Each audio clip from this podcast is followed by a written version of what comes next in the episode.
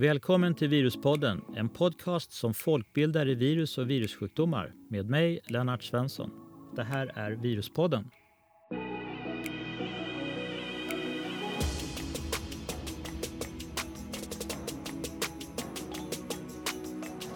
Hjärtligt välkomna till Viruspodden.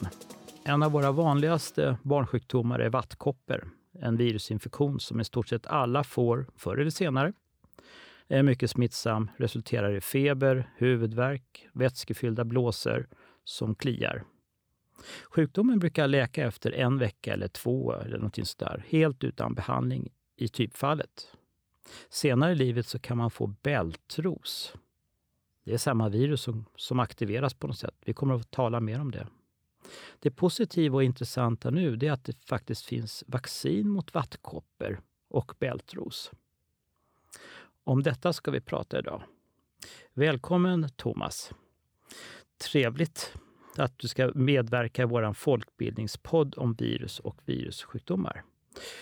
Thomas Bergström är professor och infektionsläkare på Salgrenska sjukhuset och på Göteborgs universitet och har under många år arbetat med just frågor som vattkoppor, bältros och så. Eh, vad, vad, vad är vattkoppor och bältros? Och hur vanligt är det med det? Ja, det är som du säger, det är ju en av våra vanligaste infektioner och speciellt i våra länder där man har dagis så är det vanligt att man får vattkoppor i snitt vid fyra års ålder. Så i princip alla svenskar har detta virus i sig. I varmare länder, framförallt Sydostasien, då kan det vara lite ovanligare Kanske har det att göra med att man är ute mera och inte smittas inomhus. Det vet vi inte. Men där är det inte alla som har antikroppar, men det har det i princip i Sverige, har alla antikroppar när man eh, kollar. Och det gör att man också kan få bältros. Hur, hur smittar vattkoppor då? Det smittar, ett av de få virus som smittar luftburet. Det vill säga, man behöver inte ens vara i samma rum som personen som har vattkoppor för att själv få det. Eh, det är bara egentligen vattkoppor och mässling som vi har en säker luftburen smitta, men de två är verkligen smittsamma. Eh, om man nu liksom eh, har blivit insjuknad i vattkoppor, hur, hur, länge är man smittsam? Är det bara via kopporna? Och hur, hur länge måste man stanna hemma? Vad finns det för sådana regler? För det är ju typiskt barn som infekteras. Ja, det smittsamhet som du vet, det är ju väldigt svårt att veta vad som är rätt eller fel. Men man brukar säga att man eh, kan vara smittsam även innan man får utslagen. Och det här är en generell infektion och eh, man har den även i luftvägarna. Så att just i samband med, med så att säga debuten, precis när man får feber och utslag och kanske någon dag innan och eh, någon vecka eller två efter så är man smittsam. Och det är en ganska lång smittsamhetsperiod jämfört med andra virus. Anta nu att man är hemma och så har man någon treåring som insjuknar med, med utslag eller koppor. Skulle man, kan man lätt se skillnad mot det som brukar kallas för höstblåsor eller svinkoppor? Eller, eller hur ska man hantera det? Eller är det ett karaktäristiskt utseende på det här? Eller, eller vad, vad, hur ska man tänka där? Liksom?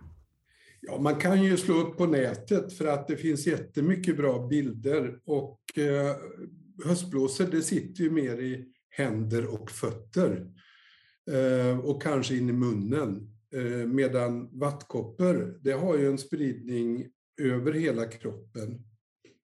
Så att det är få i början kan det vara svårt att veta om det är vattkoppor när det bara är röda prickar. Men så fort man har de här vätskefyllda blåsorna som är över hela kroppen.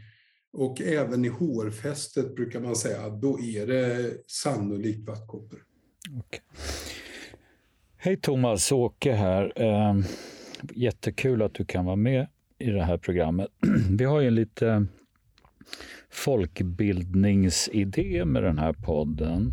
Och vi har tidigare ett avsnitt pratat lite grundläggande om vad virus egentligen är för någonting.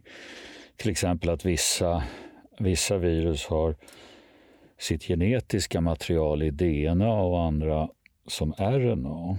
Och att vissa virus har hölje och andra saknar hölje. Kan du berätta lite om just vattkoppsvirus? Hur, hur, hur är den viruspartikeln konstruerad? Ja, den är konstruerad så att det finns en sån här eh, fotboll, alltså en nukleokapsid innerst med eh, DNA eh, Eh, som verkar vara cirkulärt hos de flesta och sen runt det är det ett hölje. Men det som är väldigt typiskt för den här gruppen av virus som vi kallar humana herpesvirus, det är att man blir smittad ofta i barndomen och sen har man det till man dör. Alltså det är virus som evolutionärt är extremt välanpassade till att klara vårt immunsvar och leva i fred med oss under större delen av våra liv. Men, och, ja, jag ja. Tänk, ja, jag tänkte bara, hur kan det smita undan? Vi har ju som alla däggdjur väl utvecklade immunförsvar på en massa olika nivåer. Hur, hur kan det här smita undan ett helt liv? Ja, det är ju själva grunden för att det har varit svårt att göra vaccin mot herpesgruppens virus. Att den naturliga immuniteten, den är inte särskilt bra. Tänk dig själv munsår som är ett annat herpesvirus. Där reaktiverar man kanske en gång i månaden i vissa fall. Och alla de patienterna har ju antikroppar. De med genitala herpes har ju antikroppar. Och EBV och HV6 utsöndrar man ju ofta i saliv, trots att man har ett så att säga bra immunsvar när vi mäter det. Men funktionellt så funkar inte det immunsvaret. Och det, det måste vara virus som har utvecklat vilka epitoper som det tillåter vårt immunsvar att se. Mm, mm. Kan man tänka sig då att att det har blivit under, utvecklats under tusentals år då någon sorts balans. För att det, det immunsvar vi har, det håller i alla fall oftast viruset i schack så att vi inte behöver lida något mer. Det stämmer och det finns ju vissa genetiska alltså mutationer som gör att till exempel vattkoppsvirus får ett allvarligare förlopp. Så att vi håller de här grupperna av virus i schack, det gör vi verkligen. Eh, och detaljerna i det där, det håller man faktiskt på att utreda just nu. Vad det är som gör eh, så att säga att vi håller i schack men inte kan förhindra de här reaktiveringarna. För bältros är ju en reaktivering. Ja.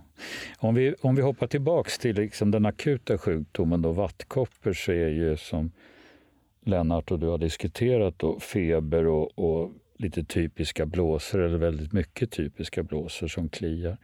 Men kan man i den första infektionen, alltså det vi kallar vattkoppor, då, kan man bli väldigt sjuk, alltså allvarligt sjuk i den fasen? Ja, det kan man, även om man är eh, frisk. Och det har att göra med när man får infektionen. Jag hade en gång en kvinna som var 40 år när hon fick vattkoppor. Och hon var fruktansvärt sjuk och hade blåsor på insidan också, i lungorna såg ut som om hon var skjuten med hagelgevär. Och det var alltså åldern 40 år eh, som var riskfaktor för den här svåra vattkoppan. Eh, I motsatt ända, barn som kanske är två, ett, två år brukar få en väldigt lindrig sjukdom, kanske bara några få blåsor. Thomas, jag har en gång i tiden så eh, var det någon som sa till mig att det heter egentligen inte vattkoppor utan det heter vattenkoppor. Eh, jag har inte reflekterat så himla mycket över det, men har du hört att det skulle någon gång ha hetat vattenkoppor istället för vattkoppor? Ja, eh, jag, vet, jag, har inte googlat på det, men jag skulle tro att eh, vattenkoppor är ganska eh, vanligt använt, men vattkoppor ännu vanligare. Finns det någon eh, belägg för att den herpesgruppens virus, eller framförallt då vattkoppor, kan komma från djur? Att det var en zoonos? Eller är det en strikt humanpatogen? Vad vet man om det? Ja, det vet vi ganska väl att eh, alla djur har liksom en full uppsättning utav herpesvirus.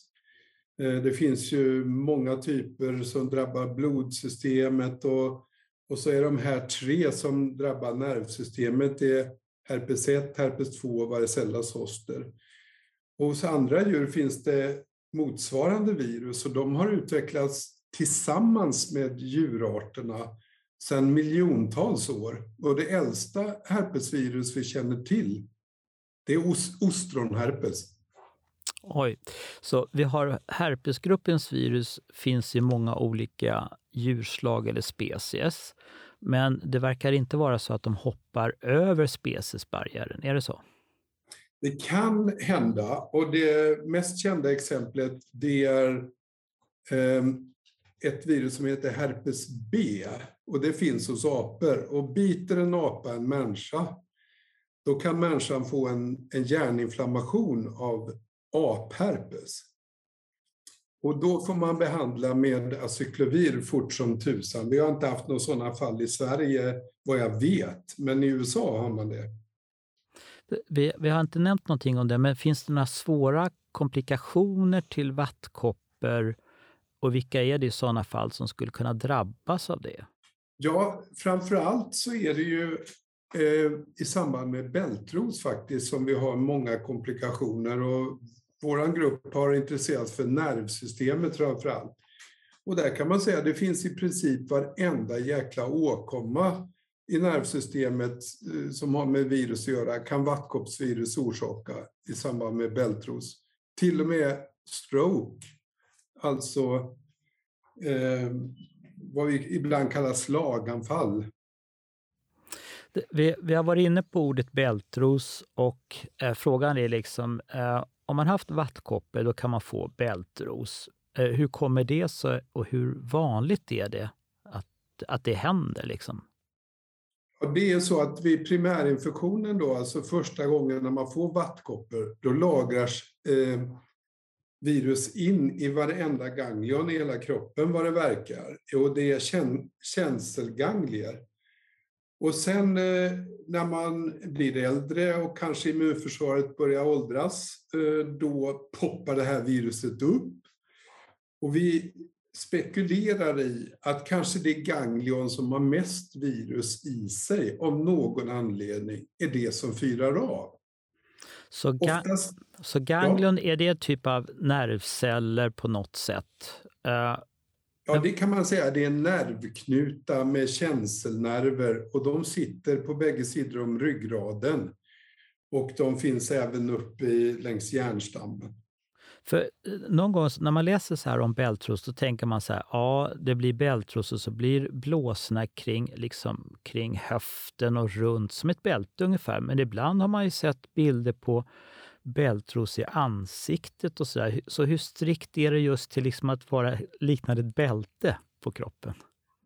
Ja, man ska inte ta så allvarligt på det där med bältros, utan det viktiga är att det är just ett ganglion som firar av. Och det som sitter i ansiktet, det gangliet heter trigeminusgangliet.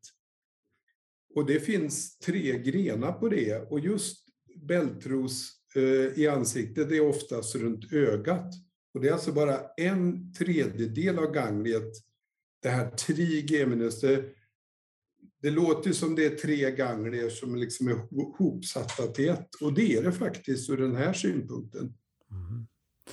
Kan, eh, kan man få bältros från sitt barnbarn till exempel? Går det?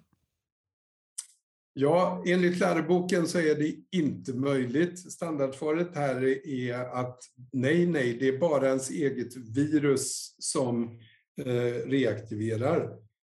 Men eh, om man kollar genetiken som vi har gjort på vårt labb så finns det rekombinanter. Det är alltså att olika stammar av vattkoppsvirus någon gång har träffats och så att säga haft sex med varandra, de har bytt gener med varandra.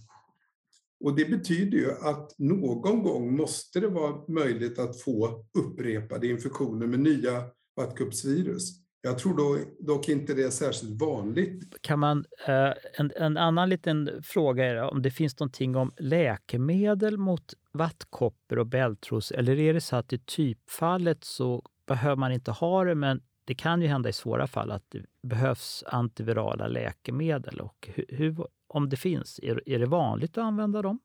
Ja, det är det. Det, det finns flera registrerade läkemedel. Acyklovir eh, och Famcyklovir är de två viktigaste grupperna. De finns både som tabletter och som eh, att man kan ge det i dropp. Och på infektionskliniken så är det en vanlig behandlingsorsak. Det är om man har just en infektion i centrala nervsystemet med vattkoppsvirus. Då är det nästan alltid så att man behandlar med dropp med acyklovir, antiviralt medel. Sen ute hos allmänläkare så är det så att de flesta som söker för bältros eh, får antiviral behandling i tablettform. Det har vi just kollat i en studie. Okej. Okay. Eh, Lennart nämnde i början att eh, det finns ju vaccin mot vattkoppor. kan du berätta lite mer om det och till exempel, använder vi det här i Sverige? Ja, den sista frågan kan jag börja med. Och det är ju så att de många länder i framförallt västvärlden, men även som Mexiko, har vattkoppsvaccination allmänt. USA har det. En del länder har också eh, vaccin mot bältros. Vi har ingendera. Eh, det finns att köpa, det finns att, ge, men det finns ingen rekommendation från Folkhälsomyndigheten. Och vi har diskuterat detta under väldigt många år, eh, att det är behov av att införa vaccination. Och då var det en barnläkare i USA som heter Ann Gerson och hon jobbar fortfarande Eh, 35 år tillbaka är en professor eh, på Cornell och hon kom på det att vi måste ge ett vaccin mot vattkoppor. På den tiden, det här är ju 30 år sedan, då gjorde man som man gör med mässling. Man gav ett levande vaccin. Och därför är våra två vattkoppsvaccin som vi använder idag, de är levande. Och de fungerar eh, riktigt bra som skydd mot vattkoppor. Och så bältros kanske du kommer att fråga om nu då. Och där hade vi alltså från början samma vaccin som mot vattkoppor, fast i en nästan 15 gånger högre dos, levande virusvaccin. Det fungerade däremot inte särskilt bra, eh, varken mot bältros eller mot smärtor efter bältros. Men eh, där finns det ett vaccin som bara baseras på ett protein eh, som är höljeprotein E som är mycket bättre och som alltså inte är farligt. Okej. Okay. Så att, och, och, hur länge har det funnits? Då? Är, det, är det märkligt att vi inte har det rekommenderat idag i Sverige? Tänker du att, att det borde ja, det funnits? Har ju varit, eh, det har ju precis börjat marknadsföras i Sverige, så det är väl inte så konstigt egentligen. Men Eh, det som jag inte tror är känt, det är ju att det är så mycket bättre än den naturliga immuniteten. Och det, det kanske blir ett genombrott för hela herpesgruppens virus, att man kan ta ett protein och så kan man göra ett vaccin som är mycket bättre än den naturliga immuniteten. Vad tänker du där, Thomas, om vi kopplar till de fantastiska framgångarna med eh, covid-19? Covid-19 och sars-cov-2-virus vad gäller RNA-vaccin. Även om vi inte lyckas bromsa smittan som vi kanske önskade så har det ju räddat väldigt mycket liv och från svår sjukdom. Tänker du att det blir en explosion av, av RNA-vacciner i många virussystem framöver? Ja, det, det, blir väldigt spännande för att de håller på med ett RNA-vaccin mot bältros. Och jag är inte alls säker på att det kommer att vara bättre än eh, bältrosvaccinet Shingrix som nu eh, är mot bältros, som är bara protein. Men och den jämförelsen kommer att avgöra framtiden för herpesvacciner. Kommer RNA-vaccinet att funka och vara jättebra, ja då kommer alla att börja utveckla mot cytomegalovirus, Epstein-Barr-virus, Alltså andra barnsjukdomar som vi inte har något vaccin och som ger problem hos äldre. Jag hade en kort fråga där, Thomas. Du sa att vattkoppsviruset finns i, i våra levande försvagade vacciner. Finns det någon risk att de vaccinerna senare i livet ger upphov till bältros? Ja, det är en väldigt bra fråga och det, det finns det är ordentligt studerat i jättestora studier i USA. Och risken finns, både att viruset orsakar vattkoppor, att det smittar till andra barn och att det ger bältros. Men risken är så otroligt mycket mindre än den vid naturlig infektion. Så att eh, de gjorde en jättestudie på bältros hos barn, alltså upp till 18 år, i Kalifornien. Och då sjönk antalet fall hos de som hade fått vaccin till en åttondel. Och hälften av de bältrosfallen var orsakade av vaccinviruset, hälften av något annat virus. Eh, alltså en annan vattkoppsstam. Så det visar att skyddet inte är hundra, men att det har gjort en otrolig nytta. Det har i princip utraderat vattkoppor. Så det jag beskriver nu med de här genombrotten, det är enstaka fall. Och det har man beskrivit jättebra i USA. Men i stora hela så har det fungerat fantastiskt bra. Bra. Eh, jag har också lärt mig att man kan vaccinera sig mot vattkoppor efter att man har blivit eller misstänkt eh, exponerad. Är det, är det sant? Ja, jag har själv inte läst någon bra studie på det, men eh, det är det här, någon slags postexpositionsprofylax. Och, alltså det är egentligen bara två aminosyror som skiljer mellan vaccinstammen och den eh, vildtypstammen. Eh, när man gör det här som eh, Lennart mycket riktigt påpekar, man förtunnar eh, Eh, en vildtypstam genom att passera den i cellkultur 200 gånger. Och då induceras det mutationer som gör att det är snällare. Så att eh, min omedelbara reflektion på frågan är väl att det kanske inte gör så mycket skada, men eh, eh det heller kan inte vara så väldigt mycket erfarenhet av just den situationen. Jag skulle ju hellre vänta och ge antiviralbehandling om det blir allvarliga vattkoppor. Och det ser man rätt snabbt. Ja. Tanken liknar väl det som fungerar bra för rabies. Så där, där kör man ju en kombination av vaccin plus antikroppar efter, i värsta fall om det är liksom tätt inpå. Mm. Men tanken kanske kommer därifrån att i, i det systemet fungerar det ju bra. Mm. Det finns ju det finns ju liknande en annan exam, eller sån utslagssjukdom och det är ju eh, smittkoppor. Där kan man också vaccinera någon dag efter att man har blivit exponerad för viruset. Men det, det är rätt mycket teorin och man har väl inte hunnit pröva det så mycket men eh, det finns beskrivet i litteraturen i varje fall. En, en annan fråga som jag kom på nu eh, kopplat till vaccin, Thomas.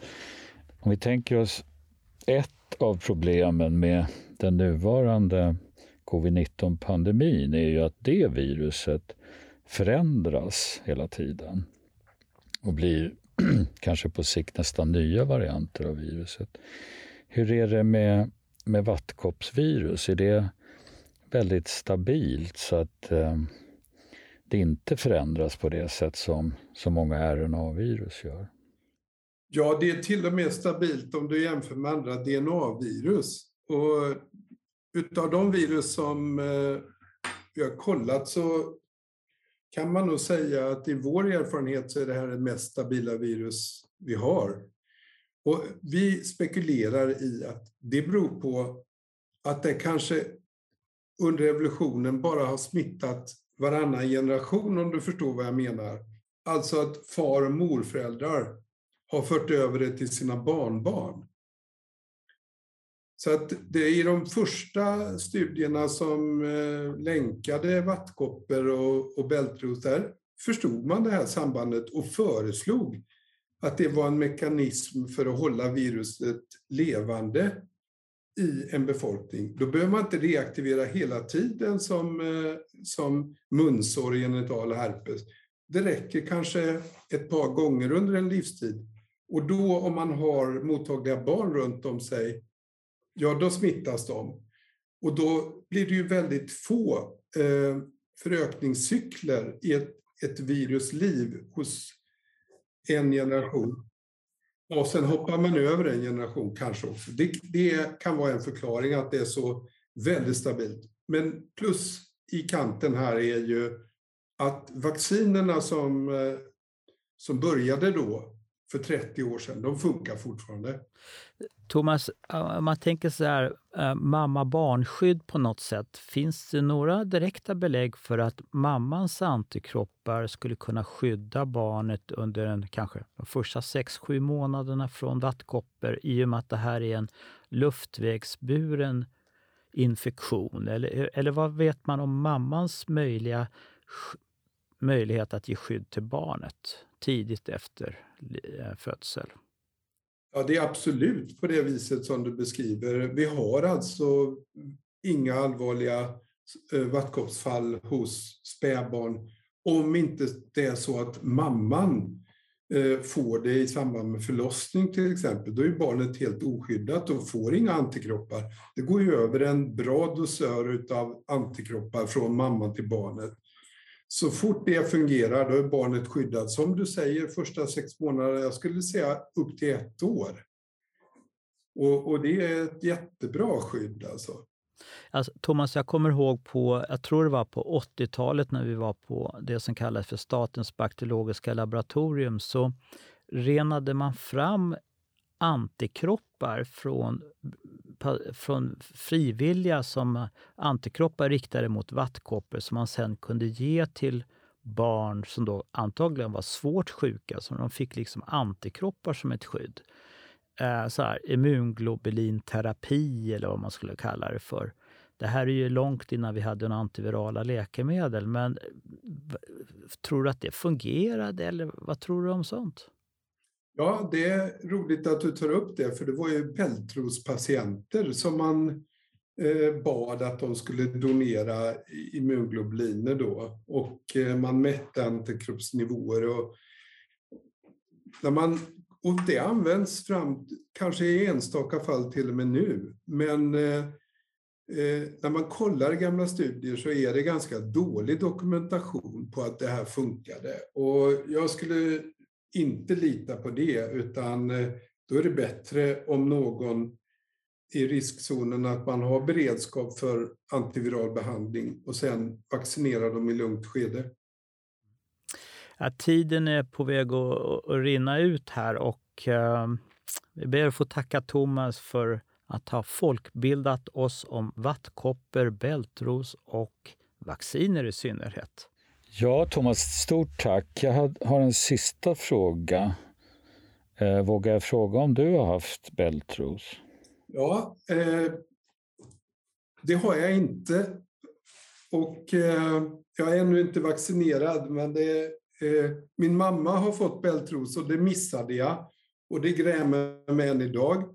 Eh, dessutom fick jag själv vattkoppor när jag var 20 år och vickade som sjukvårdsbeträde. Oj. Oj. Det var inte kul ska jag säga. Jag, hade, jag såg ut som en riktig smittkoppspatient. Så att, sen vattkoppa, ja, bältros har jag inte haft. Har, du funderat på att vaccinera dig mot bältros? Ja, det är självklart när man håller på att studera antikroppar och sådär och ser de här resultaten att eh, det kommer jag att göra, absolut. Ja, jättetrevligt Thomas att få ha dig i, i podden här. Eh, och som vanligt så tar Åke och jag emot uppslag och synpunkter på podden eh, för framtiden här. Och vi kommer att lägga ut mejladresser på viruspodden.se som ni kan kommunicera med oss. Vi tackar så mycket för dagens podd. Tack så mycket. Stort tack Thomas. Hej då. Hej då. Bra frågor. Tack själva. Hej då.